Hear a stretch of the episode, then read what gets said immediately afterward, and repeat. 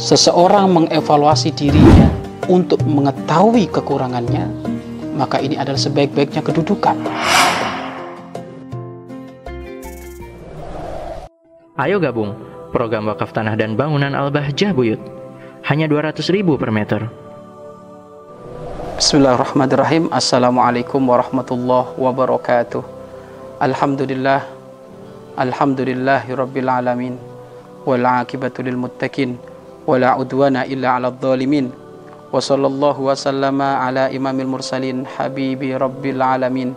Sayyidina wa maulana Muhammad sallallahu alaihi wasallam wa ala alihi wa ashabihi wa tabi'ina lahum bi ihsanin ila yaumiddin amma ba'd Sahabat-sahabat fillah yang dimuliakan oleh Allah Subhanahu wa taala sebab-sebab yang menjadikan Rasulullah wasallam berbangga kepada kita. Yang pertama adalah istiqomah hadiri majelis ilmu dan zikir. Yang kedua, mengajarkan kepada anak-anak kita akhlak, sifat, dan sejarah Rasulullah Shallallahu Alaihi Wasallam. Dan yang ketiga menjunjung tinggi syariat Rasulullah Shallallahu Alaihi Wasallam dan syiar-syiar Islam. Dan yang keempat adalah lapang dada memberikan maaf kepada orang lain. Sahabat-sahabat fillah yang dimuliakan oleh Allah Subhanahu wa taala menjadikan baginda berbangga kepada kita adalah sebaik-baiknya perbuatan sebaik-baiknya pekerjaan. Dan tentu kita sebagai umatnya senantiasa harus menjadikan Rasulullah bangga dengan kita. Yang menjadikan Rasulullah bangga kepada dirinya maka akan mudah bagi Rasulullah untuk memberikan syafaat kepada hamba tersebut. Dan di kalangan para sahabat waktu itu mereka semuanya adalah orang yang senantiasa berlomba-lomba untuk bagaimana Rasulullah bangga dengan dirinya. Apa yang dilakukan Abu Bakar As-Siddiq radhiyallahu anhu? Apa yang dilakukan Sayyidina Umar ibn Khattab radhiyallahu anhu? Apa yang dilakukan oleh Sayyidina Utsman Sayyidina Ali karamallahu wajha? Apa yang dilakukan oleh Sayyidina Abu Hurairah radhiyallahu anhu? Ini semuanya hampir pekerjaan yang mereka semuanya ingin mendapatkan simpati khusus dari Rasulullah Shallallahu Alaihi Wasallam. Bagaimana kok kita ingin mendapatkan simpati khusus? Karena Rasulullah adalah pintu keselamatan. Tidak ada pintu keselamatan melalui kecuali hanya melalui baginda Nabi Muhammad SAW. Lah kita bagi umatnya ini bagaimana agar supaya Rasulullah bangga kepada kita? Tentu empat hal tadi itu. Hadirlah dirimu dengan istiqomah berada ke satu tempat yang memang Rasulullah senang. Di zaman akhir seperti ini, tempat-tempat yang menjadikan Rasulullah bangga dan senang adalah majelis ilmu, majelis zikir majelis ilmu, majelis dikaji tentang syariatnya Rasulullah, majelis zikir tentang dibacakan solawat, sejarah Rasulullah. Ini adalah termasuk wadah tempat yang menjadikan Rasulullah bangga. Kemudian yang kedua adalah berlapang dada. Berlapang dada dengan sesama ini juga menjadikan Rasulullah bangga. Karena Rasulullah mempunyai ciri sifat, ciri sifat yang sangat mulia. In udhiya ya'fu wa la yu'akib in udhiya ya'fu wa la yu'akib jika beliau disakiti itu beliau nggak mau balas. Jika beliau disakiti beliau tidak mau balas. Maka sebaik-baiknya umat yang meneladani baginda Nabi Muhammad kapan disakiti tidak perlu membalas. Yang ada adalah lapang dada.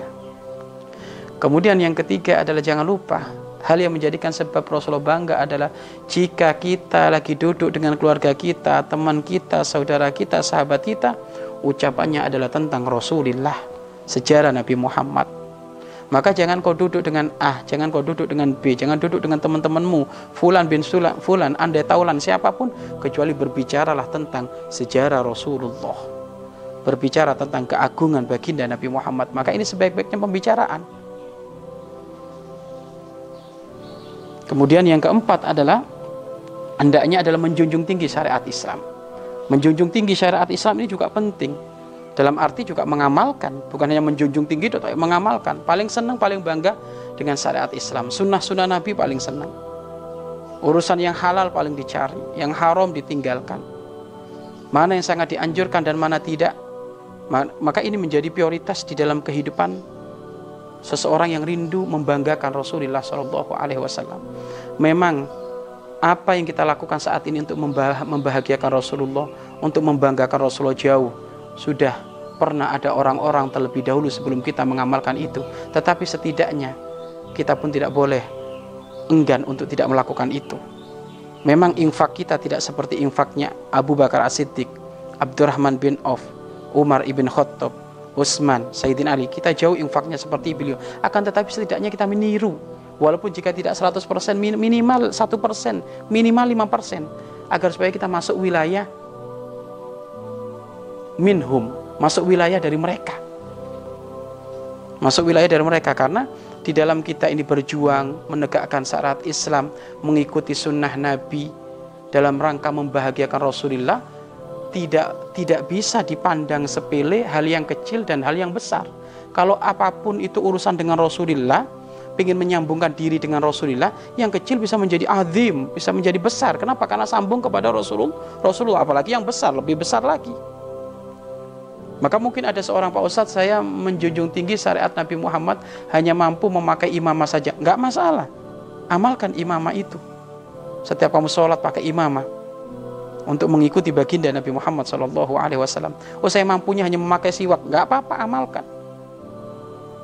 Mampunya Ustaz saya saya ngikutin sunnah Nabi dengan memakai tangan kanan. Nggak apa-apa amalkan. Karena itu semuanya adalah siar-siar syariat Islam. Maka dari empat hal inilah jika kita lakukan Rasulullah insya Allah membahagiakan kita membanggakan kita.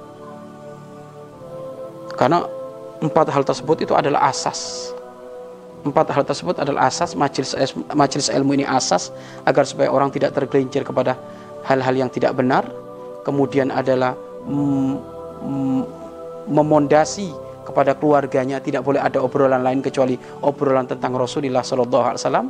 Kemudian menjunjung tinggi dengan mengamalkan syarat Islam. Kemudian yang keempat adalah berlapang dada berlapang dada dengan sesa, sesama. Maka ini semuanya sebuah kekomplitan yang jika diamalkan insya Allah Rasulullah membahagiakan kita, membanggakan kita.